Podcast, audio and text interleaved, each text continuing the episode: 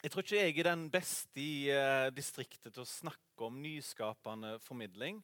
Men jeg har noen erfaringer, og jeg har vært borti eh, Noe har jeg holdt på med sjøl, å starte opp nye ting. Og andre ganger har jeg oppmuntra andre til å starte opp nye ting. Men alt handler om at vi er nødt eh, til å ikke bare sitte stille og se at vi vi må alltid prøve å få grensene våre til å ekspandere, sånn at nye får høre. Um, og sånn som tempoet i Kristen-Norge er nå, så går det for seint. Altså vi klarer ikke å nå de nye generasjonene eh, skikkelig sånn som det er i dag. Så egentlig så trenger vi å, å på en måte forske og bruke tid i bønn på hvordan skal vi nå de. Og så er dette her med nyskapende formidling det er jo ett et type verktøy. Eh, det gjelder ikke bare å finne en metode å nå ut. Eh, gang på gang så har jeg eh, erfart i mitt eh, eget liv og i tjeneste at det er Guds kraft som er hele essensen i det som får oss til å nå ut i det hele tatt. Uten Guds kraft så kan vi bare pakke ned og gi opp. Men det er Guds kraft som i det hele tatt er, er det som får oss til å gå ut. Det er Guds kraft som setter i frihet, osv. Så, metodene er egentlig sekundært. Det kommer i andre rekker. En gang så var jeg på, eh, på Lundaneset. Vi hadde et vanlig møte. Etter møtet så satt eh, av 100 elever så satt 50 igjen og bare satt helt i ro. Og vi som var ledere der, måtte snakke med hverandre. Hva gjør vi nå? Jeg har ingen anelse. For Gud gjorde noe som var helt ut forbi vår kontroll. Det er Gud som dette er hans rike, det er han som driver med dette. her. Vi er bare med på det han holder på med.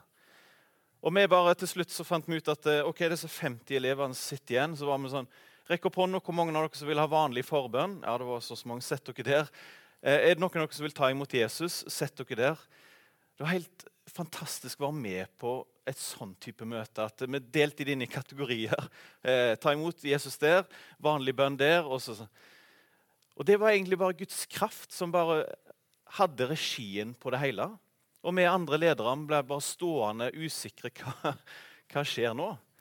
Eh, Guds ord har truffet dem så sterkt at de, de sitter her og vet ikke, de, de, de, vil ikke gå herifra. Og Jeg håper jo at vi kan få mange sånne møter i misjonssalen òg. Selv om vi sier at kaffe er der, så er dere sittende her og bare må reflektere og være i lag med Gud, for dere har fått noe som gjør at livene deres er under forandring. Ok, Det var bare en liten innledning, men jeg tror Guds kraft pluss kreativitet er enormt spennende. Guds kraft pluss kreativitet er veldig spennende. Men før det så må vi snakke litt om det med å ha Guds kraft og eie Guds kraft sjøl. Fordi eh, når vi snakker om det å ha en tjeneste for Gud Hvis du ikke har Guds kraft og fred, så vil alt dette her bare være et eneste stort ork. Dette med tjeneste og varme og bidra jeg blir bare sånn uff. Men hvis Gud får lov å bo i deg og virke i deg og ha rom i deg, så, vil, så trenger ingen å be deg om en tjeneste engang.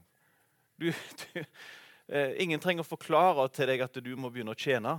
Det er noe som du kjenner på bobler opp innenfra. Selvfølgelig vil jeg være med. på en måte. Det er min erfaring, og det mener jeg òg du finner i Bibelen, at det er noe som tvinger seg fram. Paulus sier faktisk at ved meg om jeg ikke forkynner evangeliet. Han bare måtte gjøre det. Det lå på han. Eh, jeg har funnet dette her som på en måte mine vers, mine bibelvers når jeg begynte i Bymisjon. Nå reiser jeg en del i Stavanger og Sandnes, er en del på Ruten. Eh, deler evangeliet på gata der. Er på gjenbruksbutikk i Stavanger faktisk, og får samtaler med folk der. Ellers reiser jeg litt rundt og taler og ber mye rundt omkring. Eh, og prøver å drive misjon i Norge og distriktet. Jeg vil lese disse versene her, bare. 2. Timoteus 2, 20-22. I et stort hus er det ikke bare kar av gull og sølv, men også av tre og leire de første til fint bruk og de andre til simplere bruk. Den som renser seg og holder seg borte fra slikt, blir et kar til fint bruk, innviet og nyttig for husets herre. gjort i stand til all god gjerning. Legg ungdommens begjær bak deg, og jag etter fred, troskap og kjærlighet. Rettferd, troskap, kjærlighet og fred sammen med andre som kaller på Herren av et rent hjerte. Jeg skal bare gå raskt igjennom de der tre versene som betyr mye for meg eh, for tida. Det første om et stort hus. Eh, Se for deg i et menighetsliv så er det så er, det, er vi ulike. Noen er Vi ser her at det er eh, Paulus bruker et bilde på at i, i menighetssammenheng så er det merker som kar. Noen gull og sølv, og noen er tre og leire. Og Det trenger ikke være så overraskende, fordi noen er nyfrelste og har bare vært kristen og skjønner ikke alt. Eller hvem skjønner alt? Men, og noen har eh, vært kristen lenge, har lang erfaring og, og fungerer som en, en åndelig leder. på en måte. Så det er ulik modenhet. Og så er det veldig fort gjort at vi sammenligner oss og lurer på er jeg av tre eller er jeg av sølv. Hva er jeg i Guds øyne? Og vi kan begynne å sammenligne oss. Og Det er ikke poenget i det hele tatt med denne teksten. her, For jeg finner, når jeg leser om dette, her, så, så tenker jeg på et vers som dette her. Der Paulus sier jeg mener ikke at jeg sjøl alt har nådd dette, eller alt er fullkommen. Altså at jeg er et gullkar. Men jeg jager fram imot det. Jeg jager fram imot det for å gripe det. Fordi jeg sjøl er grepet av Kristus Jesus. Så jeg ser de versene der som en sånn kall til oss at vi skal ikke stå i ro, visne av, men vi er kalt til å etterfølge Jesus. Og det bør jo få konsekvenser for livet. At vi er en vandring i lag med Jesus. Det er poenget med de, med de karene der. Og Det neste verset om, handler om renselse. Og Det er det jeg mener er kjernen i kristenlivet. Å leve i den daglige renselsen. For det står ikke at det er den som skjerper seg, eller den som gjør sånn og sånn, men nei, den som renser seg. Og syns jeg så fint at det er noe Jesus viste Peter. Han kom og ville vaske føttene. Eh, Peter hadde ikke lyst til det. Han syntes det var helt omvendt at Jesus bøyde seg ned og vasket føttene hans. Men Jesus bruker hele det greiene som et bilde og sier at eh, den som er bada helt rein Peter og disiplene utenom Judas var reine. Men gjennom vandringen, den daglige vandringen så får de skit på beina. Vi feiler, vi sier ting, vi tenker ting, vi gjør ting som vi ikke burde. Vi trenger den daglige renselsen av Jesus. Og Hvis ikke vi lever i den daglige, det vil si, hvis ikke jeg trenger Jesus i hverdagen, så tror jeg vi går imot en sånn, enten en lunkenhet eller en likegyldighet. Jeg trenger Jesus hver dag. Og Så står det faktisk noe veldig interessant i det siste verset som har betydd mye for meg. Det siste at eh, det ser ut til at vi er avhengig av hverandre. Det står i vers 22, som jeg leste, at, det, at vi skal jage etter rettferd, troskap, kjærlighet og fred sammen med andre som påkaller andre som kaller på Herren av et rent hjerte. Så er det spørsmålet, Når du kom inn her, hva tenkte du at du skulle gjøre i dag? Eh, tenkte du at du skal komme helt individualistisk inn og sitte på en stol, eh, få et eller annet, være med på et møte og så gå ut igjen og være sosial? Eller tenkte du at du som et menneske skal være med på noe åndelig? Du skal delta i noe åndelig. Jeg skal, jeg skal være med i det kristne fellesskapet. Jeg skal være med med min nådegave. Jeg skal være med som en bror og som en søster i fellesskapet. Ok, Hva er det jeg egentlig vil fram til? Det som jeg vil fram til, er at uh, vi kan komme inn her, og så behandler vi hverandre som på en måte mer eller mindre på vennenivået. At noen er gode venner med, andre kjenner jeg ikke. Og så forholder vi oss veldig menneskelig til dette her. Men så leser jeg i Bibelen at eh, når vi tror på Jesus og kommer sammen, så er vi brødre og søstre.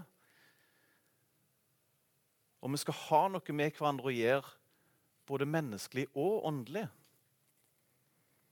Men av og til når jeg er på møter rundt omkring, så kan jeg oppleve at det, vi snakker egentlig ikke om livet. Vi snakker ikke om hvordan vi egentlig har det. Det ser ut som, På utsida ser det ut som vi har det skikkelig bra, på en måte, og, og vi trenger ikke hjelp.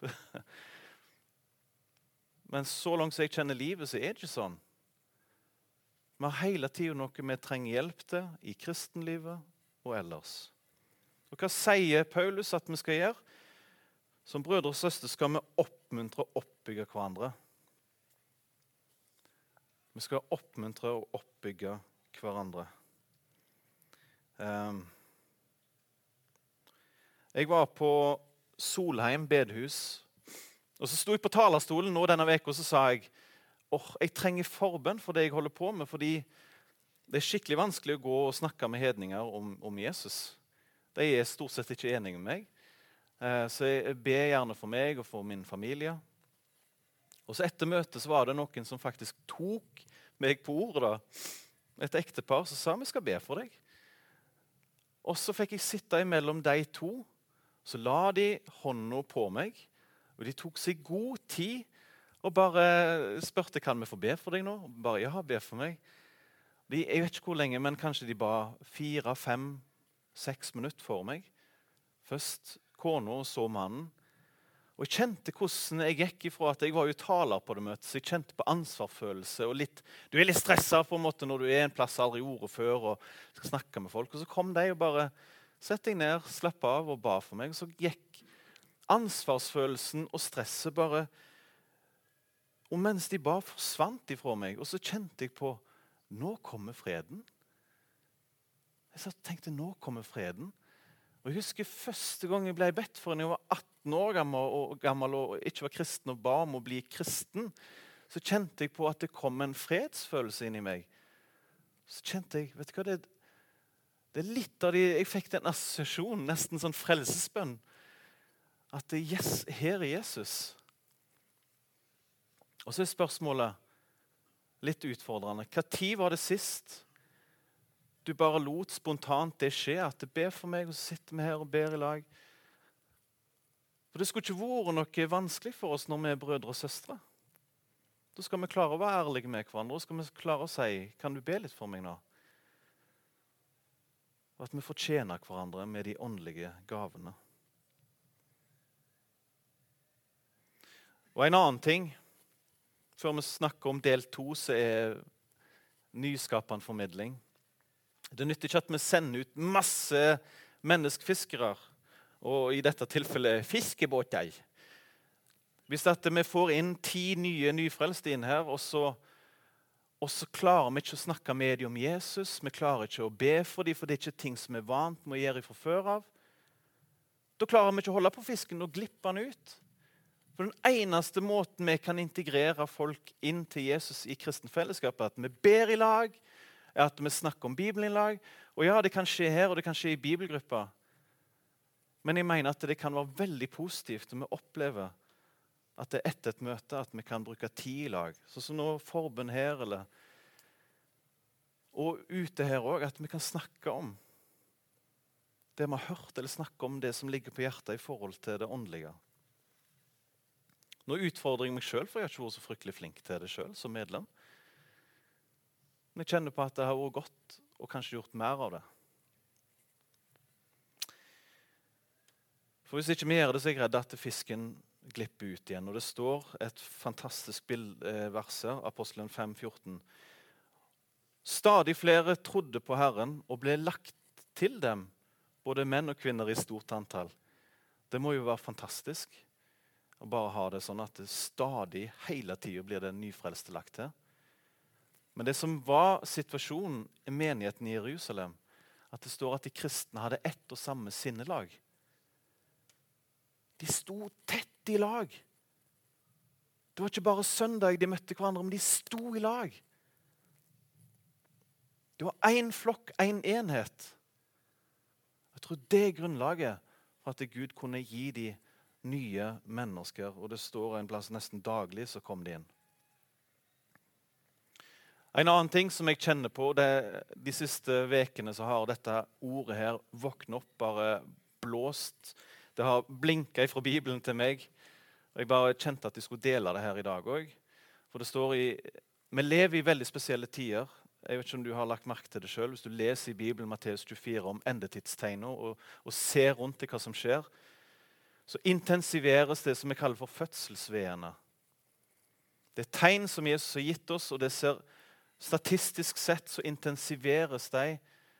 Jesus sier at det er som jordskjelv, krig, hungersnød, pest, forfølgelse, falske prof profetier, bla, bla, bla, falske forkynnere, skal øke i de siste tider. Så ser jeg at ting øker på. Og Hva har Jesus sagt til oss som tror på han da? Han har sagt 'våkn opp'. Våkn opp, for det er lett å sovne, særlig i de siste tider. Sånn som det står her. Våkne opp ifra søvnen. Nå kommer det en lyd her snart. Dette er 11. januar, tror jeg. Midt i, på ruten klarte å fange eh, når flyalarmen gikk. Og Bare se eh, på folk som går ut forbi når dette skjer. Det er veldig høyt.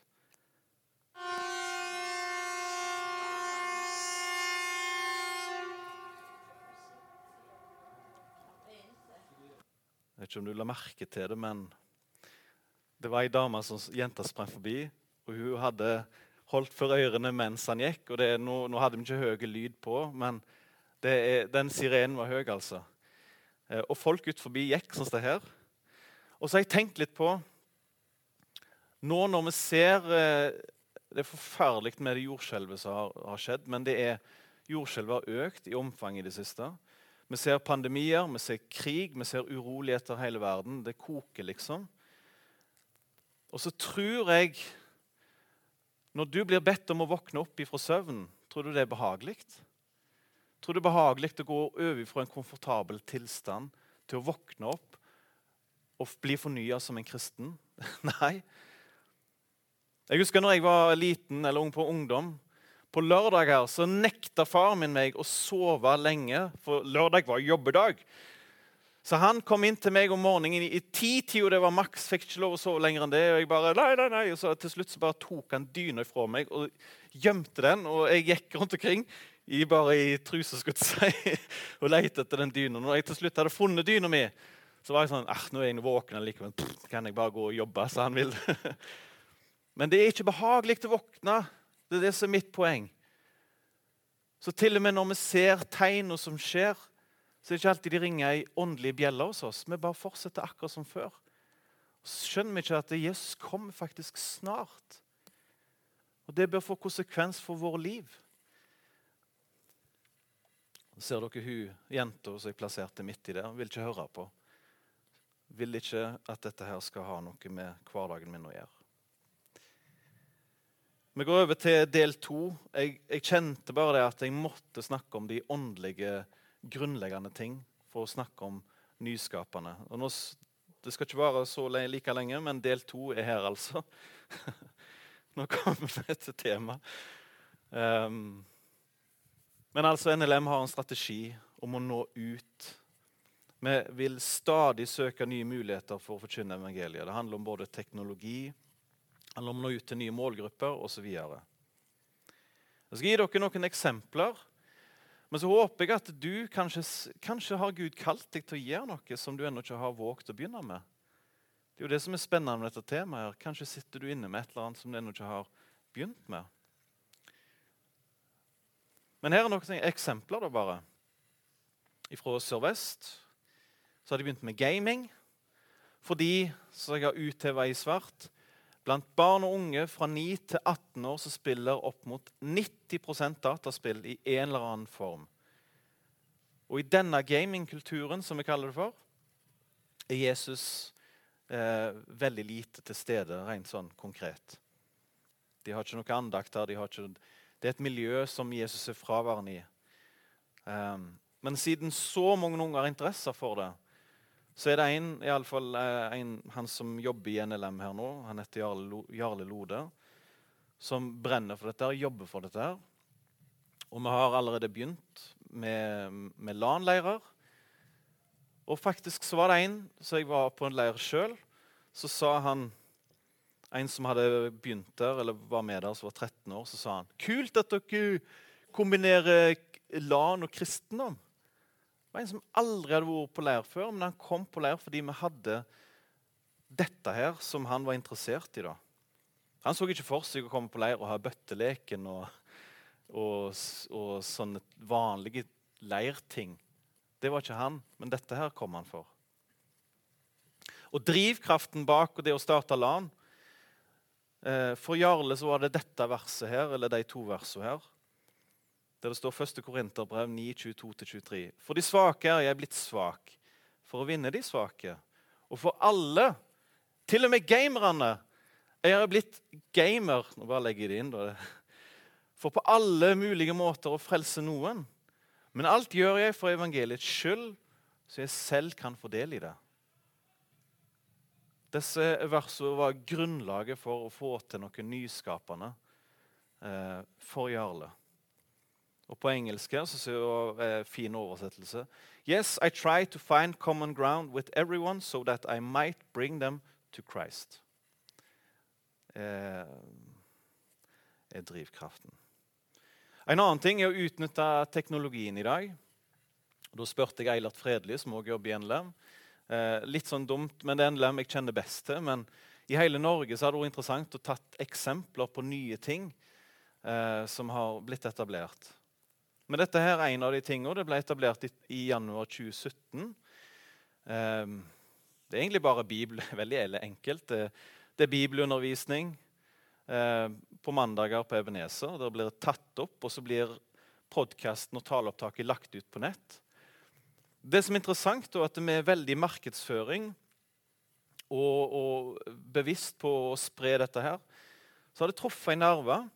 Og dette her er, sånn, dette er skikkelig bibelundervisning. Det er ikke en, en, er ikke en kristendom light-versjon, men det er, det, er, det er Guds ord. Og det er utfordrende, og det er det er så kult da, at eh, Hver måned så har denne Logospodden eh, mellom 11 000 til 12 000 avspillinger. 11 000-12 000 avspillinger hver måned. Så det er jo klart at vi bør bruke Internett. Det er en måte å nå ut på. Primært så har Logos eh, nådd ut til kristne eh, som har på en måte blitt fornya i stor grad. Kanskje ikke like mange ikke-kristne. Men hva er det vi vet når vi ser kirkehistorie og leser Bibelen? At det må begynne med oss kristne skal det skje noe med resten av verden. Det er ikke verden som må forandre seg, det er vi som må bli fornya.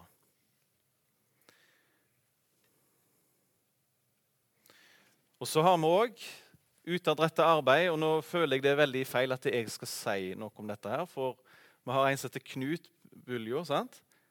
Jeg sa det rett nå? Ja. Du må reise deg. Eh, unnskyld, men du må bare reise deg opp. Please. Men han er sjefen for det som heter Stasjon 316. Um, ehm, du kan sette deg hvis du vil det. Jeg hadde veldig lyst til det. Men vi er en eh, god gjeng som holder på eh, på 316, som vi kaller det for. Dette er et utadrettet arbeid. Det er midt i, Sandnes sentrum, på Ruten. Um, og det er et arbeid som blir drevet der fra mandag til fredag natt til lørdag på ulike tidspunkt.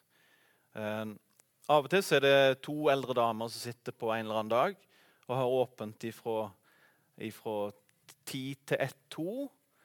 Og en annen gang er det andre med forskjellige team som er der. da. Eh, jeg er der ofte på torsdager. Og det som kan skje på denne plassen, her, at det, eh, kan begynne med at vi åpner klokka ti, setter ut et skilt, og så kommer det inn en fyr eh, som bare kommer inn. 'Ja, og kaffe!' Og så setter han seg ned og Og så Ti minutter er han der og drikker kaffe. 'Jeg må gå, gutta. Ha det!' det men han kommer hver eneste gang og har så glede i å få, få kaffen, treffe oss.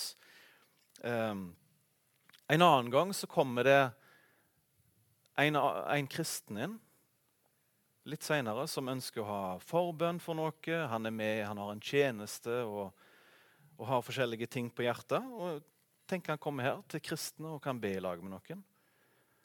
Og En annen gang seinere kommer det kanskje inn en som, som eh, ting har gått litt i stykker for. Ting er vanskelig, og han opplever at å komme der er en plass han kan fortelle om det. Han er ingen kristen, men han opplever at eh, på Stasjon 316 kan han få åpen og ærlig fortelle om livet sitt og få, oppleve å få støtte og hjelp. Så vi fungerer ikke som evangelister, men kanskje like mye diakoner akkurat da. Og så Av og til så prøver vi å si noe når vi kjenner naturlig om Jesus og sier at vi kan be for deg, og sånn og sånn. Eh, så jeg mener at her kan du være med både som forbeder, som en type diakon, som en kaffelager, vaffelsteiker, eh, som en evangelist. Du kan stå ute på gata, du kan til og med stå på ei bruskasse hvis du har lyst til det. Du trenger ikke. Um, men jeg mener jo at uh, Misjonssalen absolutt burde connecte seg på dette arbeidet. her. For vi møter så mange ulike mennesker både kristne og møtefremmede som kommer i kontakt med dette. Så ta kontakt med han, ikke med meg.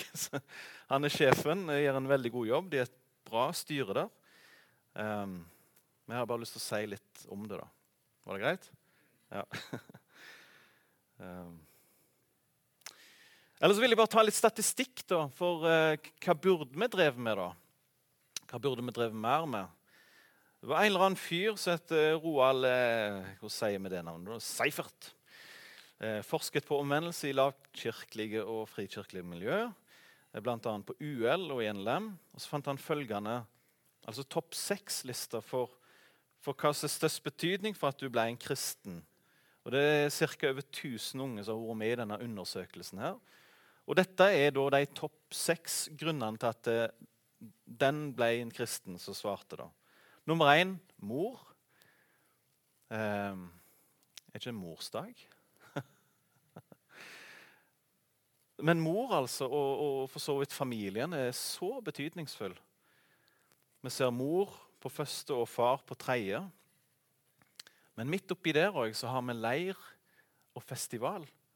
Veldig interessant, men vi ser at leir det å Leir tror jeg er hemmeligheten med det at vi er litt over tid. Minuset med en ungdomskveld er at det er bare en kveld. Men leir får du bygd opp liksom litt mer og får hatt flere møter og får kommet litt under huden. da på en måte. Og Så ser vi lovsang.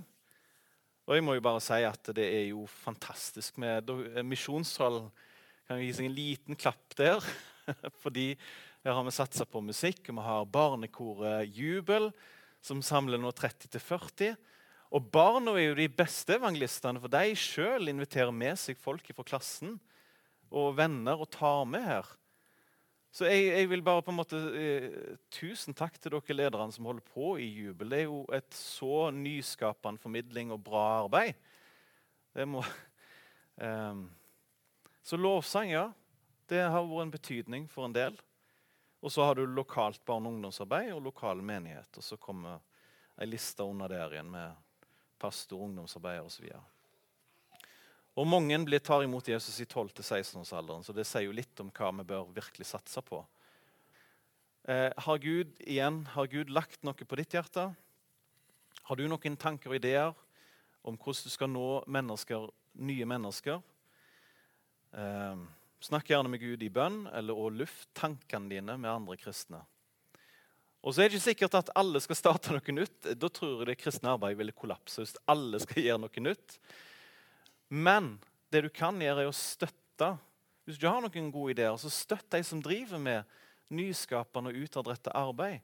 Gjennom forbønn, gjennom oppmuntring, gjennom å si er det noe jeg kan gjøre for deg, um, til de som holder på med dette.